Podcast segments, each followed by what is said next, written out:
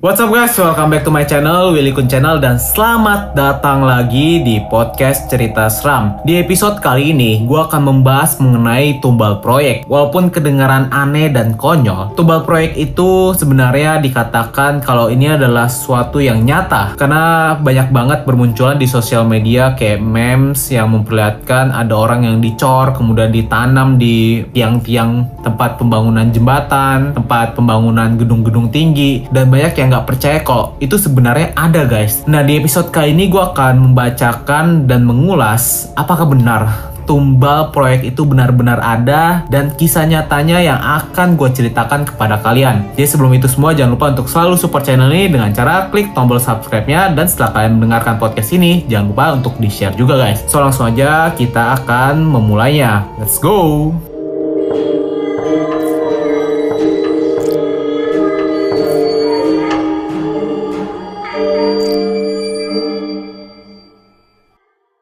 Jadi kisah ini datang dari dua orang penulis di Quora. Yang pertama adalah Pak Wara yang akan menceritakan kisahnya pada tahun 70. Izinkan saya share cerita yang saya dapat dari kecil oleh beberapa sumber. Dahulu, ketika tahun 70-an, kalau gak salah, pemerintah masa itu menggalakkan pembangunan infrastruktur demikian masif. Jalan raya dibangun lebar, gedung dan jembatan penghubung mulai dibangun. Hingga di sebuah kabupaten yang dulu berlokasi di Jawa Tengah, pembangunan jembatan di, dimulai untuk menghubungkan kabupaten satu dengan kabupaten lainnya yang tujuannya itu memang untuk penaikan infrastruktur dan ekonomi dari kabupaten tersebut. Nah, di sinilah pembangunan ini dibangun oleh kontraktor negara yang dipimpin oleh seorang lelaki yang berdomisili di Jakarta, sebutlah Pak Karyo pada saat itu. Pak Karyo ini adalah pimpinan yang berpengalaman membangun puluhan jembatan dan ratusan gedung di masa itu. Jadi tidak perlu dipertanyakan lagi untuk kemampuan menghitung dan membangun jembatan ya guys. Nah, Pak Karyo membangun jembatan yang akan saya ceritakan. Sebutlah jembatan ini bernama Jembatan J.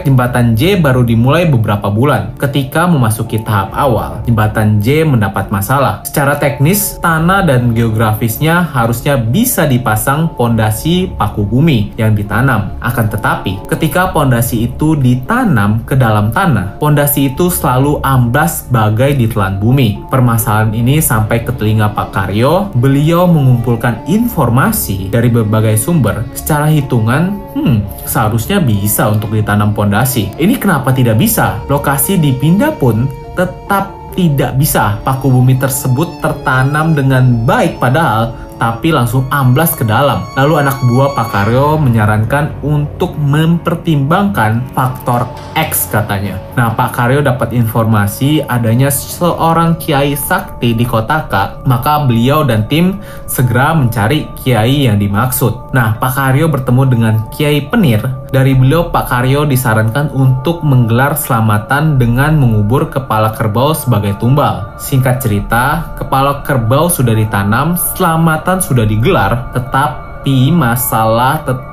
tidak terselesaikan. Dari Kiai Penir, Pak Karyo diarahkan untuk menemui seorang di kota P. Nah, bergelaklah Pak Karyo untuk menemui orang yang direkomendasikan Kiai Penir. Nah, orang ini bernama Mbak Umar dari kota P. Pak Karyo bertemu Mbak Umar dan menceritakan masalahnya. Lalu Mbak Umar berkata, Bawa aku ke lokasi, aku pingin lihat-lihat. Tibalah Mbak Umar ke lokasi proyek dan di sana Mbak Umar berjalan memutari lokasi proyek, mengambil tanah dan memegangnya. Lalu Mbak Umar berkata, Mereka meminta tumbal manusia. Angka terkejutnya Pak Karyo mendengarnya. Nggak bisa ditawar, Mbah? Tanya Pak Karyo. Saya coba dulu ya. Kata Mbak Umar singkat. Lalu beliau duduk di batu besar yang berada di lokasi proyek. Mbak Umar menyulut rokoknya dan dia seakan ngobrol dengan orang yang tak tampak. Lalu Mbak Umar berdiri dan berjalan ke arah Pak Karyo yang berkata, Buatkan gemblong dan wajik satu nampan, lalu taruh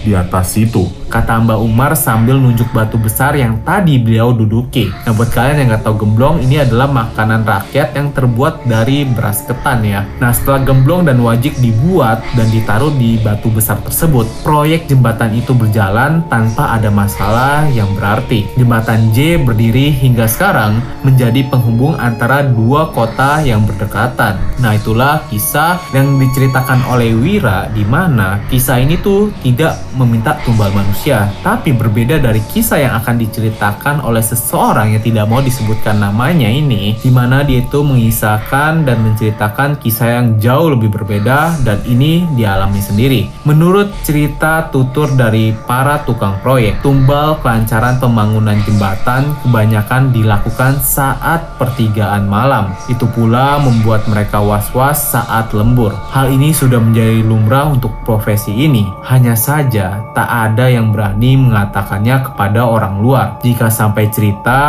dinyatakan ke publik seperti ini, kesialan akan memburu mereka, sebut saja yang paling ringan yakni pemutusan kerja sepihak atau penjara karena dianggap memfitnah. Paling berat apabila berita tumbal untuk pembangunan jembatan keluar, pelakunya bisa saja akan dihabisi oleh orang yang berkepentingan. Dia dan saudaranya langsung angkat kaki dari tempat tersebut. Menurutnya, jembatan tersebut dapat dijumpai dari kota Madiun ke arah kota Mejayan. Nah, di sini sang penulis memberikan suatu gambar jembatan yang gue sendiri nggak tahu nih jembatan apa guys. Mungkin buat kalian yang penasaran bisa cek jembatannya ya guys ya. Menurutnya, jembatan tersebut dapat dijumpai di kota tersebut. Ketika jembatan tersebut dibangun, kedua sisinya tidak pernah mempunyai tumpuan yang baik. Saat sisi kanan dipasang, maka sisi sebaliknya sedikit menjauh. Kalaupun sudah sesuai pada hari tersebut, esoknya akan merenggang 1 cm dan sudah pasti itu berbahaya dan jembatan tersebut tidak akan bisa diselesaikan karena kalau selesai pasti tidak bisa digunakan. Nah, perasaan tersebut akhirnya terjawab saat di tengah malam seorang dari dia tidak bisa tidur dan memilih menutup mata di dalam kolong beton yang yang belum terpasang. Di sana, dia melihat tiga orang berpakaian rapi, operator mesin semen, dan empat tukang. Saat mereka di sana,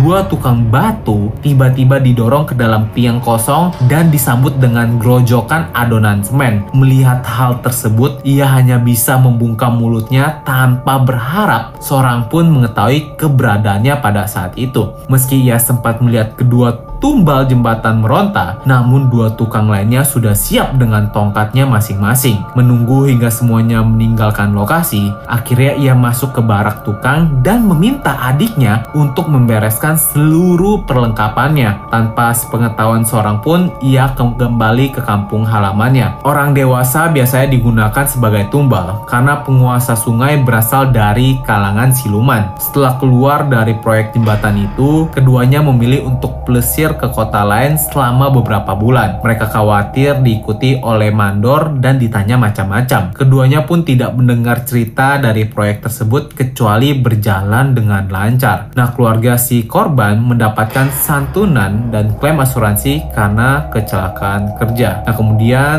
sang penulis juga menceritakan mengenai tumbal anak kecil. Tidak berbeda jauh, beberapa orang juga menumbalkan anak kecil sebagai media pelancar pembangunan jembatan. Bahkan baru-baru ini ada pemberitaan seorang wanita yang menculik anak dengan tujuan tumbal pembangunan jembatan. Incaran utamanya adalah anak yang belum berumur 10 tahun. Baik laki-laki maupun perempuan tidak menjadi persoalan utama. Akan tetapi, ritual untuk anak ini lumayan lebih sulit mengingat anak-anak tersebut harus didandani sebaik mungkin dan diberi iringan musik. Tumbal anak ini biasanya disukai dari bangsa Bata Rakala. Jika tidak dituruti, kecelakaan, kesalahan, dan kesialan akan selalu menjadi momok para pekerja. Meskipun demikian, para penghuni tersebut akan kalah apabila terdapat tokoh masyarakat yang mempunyai kemampuan kerohanian kuat. Contohnya seperti kisah yang yang tadi yang pertama kita kenal, yang kita dengar dari Mbak Umar. Nah, itulah kisah mengenai tumbal pesugihan proyek untuk membangun jembatan yang bisa berjalan dengan lancar dengan tumbal manusia. Apalagi tumbal anak kecil sangat mengerikan ya guys ya. Nah gimana menurut kalian? Ada gak sih kalian yang pernah mendengar kisah seperti ini? Atau bahkan kalian pernah melihat dengan mata kepala kalian sendiri? Kalau kalian mau menceritakan kisah kalian, kalian bisa langsung aja DM di Instagram gue di Willy Kun dan pastinya kisah kalian akan gue sampaikan di channel ini, di channel Willy Kun dan di podcast cerita seram. Nah itu dia konten hari ini guys. Thank you guys untuk selalu support channel ini dengan cara klik tombol subscribe-nya aja dan ini saatnya juga untuk kalian share podcast ini. So itu dia konten hari ini guys. Thank you guys for watching this video dan selalu support channel ini. See you guys in the next video. Willy Kun sign out.